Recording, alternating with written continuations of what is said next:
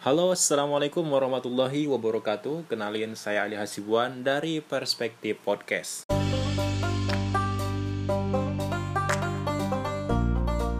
Oke teman-teman, kali ini kita akan bahas orang yang lagi viral nih Atau berita yang lagi viral. Sosok yang sangat kontroversial ya menurut saya. Karena beberapa bulan sebelumnya atau tahun sebelumnya kalau tidak salah Dia juga eh, menghebohkan Indonesia dengan puisinya yang berjudul Kidung Ibu Pertiwi. Saat itu dia banyak dikecam bahkan beberapa pihak juga melaporkan dia atas nama penistaan agama ya. Nah, kali ini juga dia membuat heboh ya saat berbicara dalam sebuah diskusi yang bertajuk eh, nih, yang bertajuk Bangkitkan Nasionalisme bersama kita tangkal radikalisme dan berantas terorisme. Yang dilaksanakan di Jakarta pada minggu yang lalu yaitu tanggal 11 bulan 11 2019 apa bunyi daripada perkataannya? Saya bacakan ya. Ini bunyi pernyataannya. Sekarang saya mau tanya, yang berjuang di abad 20 itu Nabi yang mulia Muhammad atau Insinyur Soekarno untuk kemerdekaan Indonesia? Kata Ibu Sukmawati Soekarno Putri. Jadi kenapa dia sangat viral saat ini? Karena sebagian atau bahkan sebagian besar pihak menganggap bahwa Bunyi dari pernyataan ini adalah membandingkan sosok Nabi Muhammad SAW dengan Insinyur Soekarno. Nah, pernyataan ataupun komentar daripada Ibu Sukmawati Soekarno Putri ini sebenarnya ingin menegaskan kira-kira dia ingin tanya seperti ini. Sebenarnya siapa sih yang berkontribusi besar terhadap Indonesia? Apakah Nabi Muhammad SAW atau Insinyur Soekarno? Kira-kira menurut dia begitu dia pengen sebenarnya membahas yang menurut dia berdasarkan apa yang dia terima informasi yang dia terima bahwa orang yang direkrut menjadi terorisme itu dan melakukan aksi teror itu akan ditanya lebih bagus mana antara Pancasila dengan Al-Quran yang menurut dia itu ditanyakan kepada orang tersebut harus menjawab salah satunya. Nah, tentu pernyataan dari Ibu Sukmawati ini sangat sangat tidak tidak masuk akal gitu ya.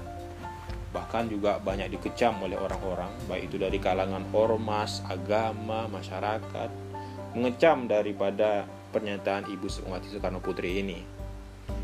Saya punya sebuah tanggapan yang menarik ya dari salah satu tokoh Nahdlatul Ulama yaitu Kiai Haji Mustafa Bisri atau yang akrab disapa Gus Mus. Gus Mus tuh gini nyampenya.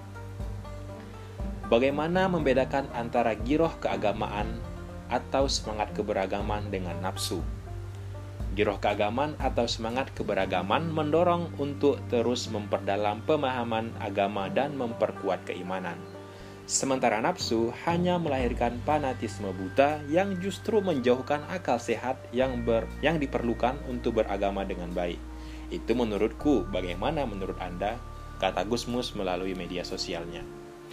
Menurut saya, kira-kira yang ingin disampaikan oleh Gusmus itu adalah Anda boleh saja atau kamu boleh saja memiliki giroh keagamaan yang kuat kamu juga boleh misalnya cinta keberagaman, nasionalisme, dan segala macamnya. Asal, menurut Gusmus, jangan sampai terbawa nafsu. Karena nafsu itu akan melahirkan fanatisme buta yang justru menjauhkan akal yang sehat yang diperlukan untuk beragama dengan baik. Kira-kira menurut saya Gusmus ingin menyampaikan seperti itu sih. Nah, sekarang kita ulas pantas nggak sih sebenarnya membandingkan antara Nabi Muhammad dengan sosok Soekarno? Tentu saja ya, jawabannya tidak gitu. Bahkan salah membandingkan itu. Karena bagaimanapun juga seperti kepercayaan kita ya, khususnya yang muslim nih, Nabi Muhammad itu adalah sosok yang sangat suci gitu. Bahkan ter terlepas atau terhindar dari dosa. Sementara Soekarno tidak menutupi kita menghormati dia ya. Dia adalah seorang manusia biasa gitu. Yang mungkin bisa berbuat salah, bisa melakukan hal-hal yang mungkin tidak baik dan segala macamnya. Itu memang adalah uh, karena dia adalah seorang manusia gitu. Sementara Nabi Muhammad SAW meskipun dia manusia, tapi kita memiliki kewajiban untuk menghormatinya bahkan kalau kita tidak hormat kepadanya maka kita gagallah mungkin keagamaannya gitu karena itu wajib untuk mencintai dia daripada manusia yang lainnya jadi sangat tidak tepat apabila dan bahkan salah membandingkan antara sosok Soekarno dengan yang uh, suci seperti Nabi Muhammad SAW. Itu yang pertama ya. Namun teman-teman yang kedua perlu saya sampaikan juga nih. Ini ada pernyataan dari Soekarno sendiri sebenarnya mengenai sosok Nabi Muhammad SAW. Sebentar saya cari dulu nih. nah, ini bunyinya. Saat itu Soekarno pernah uh, mendatangi makam daripada Nabi Muhammad SAW. Kemudian Raja Saud bin Abdul Aziz mengatakan kepada Soekarno, kenapa Soekarno melepaskan atribut-atribut atau pangkat kenegaraannya? Dia tanyakan kepada Soekarno saat mengunjungi eh, makam daripada Nabi Muhammad SAW. Tapi apa jawab Soekarno ini paling menarik sebenarnya? Soekarno jawab begini nih. Hmm, dia jawab nih mana lagi ya? Uh, kok hilang sih? Oh ini dia. Nah, dia jawab ini nih. Jadi katanya, kenapa dia melepaskan pangkat-pangkat serta mungkin ya kehormatan kenegaraannya Bung Karno mengatakan bahwa yang dia lakukan adalah yang ada di sana itu adalah Rasulullah Shallallahu Alaihi Wasallam kata Bung Karno. Pangkatnya jauh lebih tinggi daripada kita. Aku dan dirimu. Aku di sini Soekarno, dirimu di sini adalah Raja Saud. Kemudian Bung Karno berjalan merangkak menghampiri makam baginda Nabi Shallallahu Alaihi Wasallam. Ini saya baca dari sebuah website ya, Gesuri ID. Ini adalah kisah saat Bung Karno mendatangi ataupun ziarah kepada makam Rasulullah SAW. Nah, ada lagi yang kisah yang menarik juga. Saat itu Bung Karno sedang eh, memperingati maulid Nabi Muhammad SAW, tapi dia berada di luar negeri gitu. Saat itu dia berkunjung ke Kairo dan membawa rombongan. Dalam kunjungan itu, Soekarno bertemu dengan Presiden Gamal Abdul Nasser.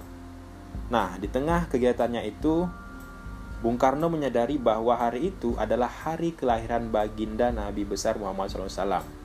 Terus dia mengatakan begini, uh, saya segera memerintahkan kepada kedutaan besar kita di Kairo untuk mempertunjukkan film Salahuddin itu di hadapan rombongan yang saya bawa dari Jakarta. Dan salah satu ruangan daripada Hotel Hilton pada satu malam dipertunjukkan film Salahuddin ini. Yang film itu kita melihat perjuangan yang hebat daripada umat Islam di bawah pimpinan Salahuddin perjuangan umat Islam yang mengambil suri tauladan dari perjuangan Nabi Muhammad SAW. Terus lanjut Bung Karno mengatakan begini, kita sebagai umat Islam harus harus menganggap Muhammad itu sebagai pemimpin besar yang terbesar. Ini perlu di ini nih digaris bawahi. Pemimpin besar yang terbesar. Bahkan harus kita mengatakan tidak ada pemimpin yang lebih besar daripada Muhammad SAW itu kata-kata Bung Karno sendiri. Jadi secara pribadi juga Bung Karno sangat-sangat mengagumi Nabi Muhammad gitu. Bahkan tahu bahwa dirinya sangat-sangat tidak level ataupun tidak sebanding dengan Nabi Muhammad SAW yang suci itu.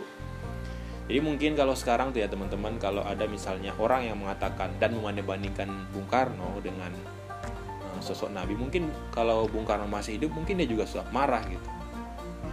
Marah dan tidak setuju apabila dirinya dibanding-bandingkan dengan sosok Nabi Muhammad SAW yang sangat-sangat uh, menjadi suri tauladan ya bagi banyak pemimpin-pemimpin dunia. Nah itu tadi hal-hal yang viral yang sekarang ini lagi banyak dibahas orang ya Kabarnya juga saya dengar saat ini Ibu Sukmawati sudah dilaporkan di Polda Metro Jaya kalau tidak salah atas penistaan agama. Mungkin nanti kita tunggu ya selanjutnya uh, bagaimana kelanjutan daripada uh, kisah ataupun cerita karena memang sosok ini sangat kontroversial sekali ya dan sepertinya juga tidak kapok-kapok juga untuk membuat hal-hal pernyataan atau segala macamnya yang bisa mungkin membuat orang terprovokasi. Cuman lebih daripada itu teman-teman kita juga sebagai uh, anak muda di Indonesia ini khususnya saya dan mungkin teman-teman sekalian juga harus melihat ini secara pikiran yang mungkin tidak dipenuhi dengan nafsu juga gitu ya melakukan hal-hal yang mungkin tidak sesuai dengan hukum bahkan segala macamnya apalah karena mungkin saat itu saya pernah lihat di komentar-komentar ya khususnya di Instagram saat uh, Ibu Sukmawati ini diposting atau berita ini diposting banyak sekali komentar-komentar yang sangat-sangat negatif gitu. bahkan dikata-katain secara fisik segala macamnya itu sangat banyak bersiliweran di sana Nah, mungkin itu saja yang saat ini yang ingin saya bahas dan ingin sampaikan. Semoga hari-hari teman-teman dipenuhi dengan hari-hari yang indah dan tidak bosan untuk meraih segala sesuatunya. Terus berjuang, jangan jangan patah semangat. Karena memang beginilah hidup ya.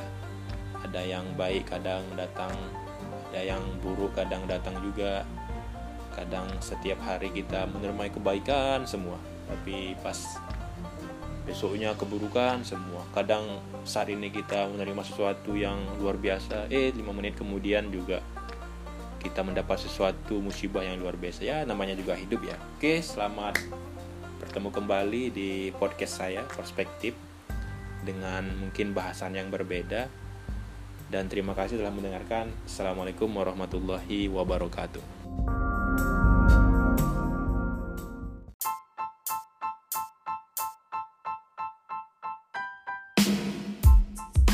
Oke teman-teman, mungkin itu dulu pembahasan kita dalam episode kali ini.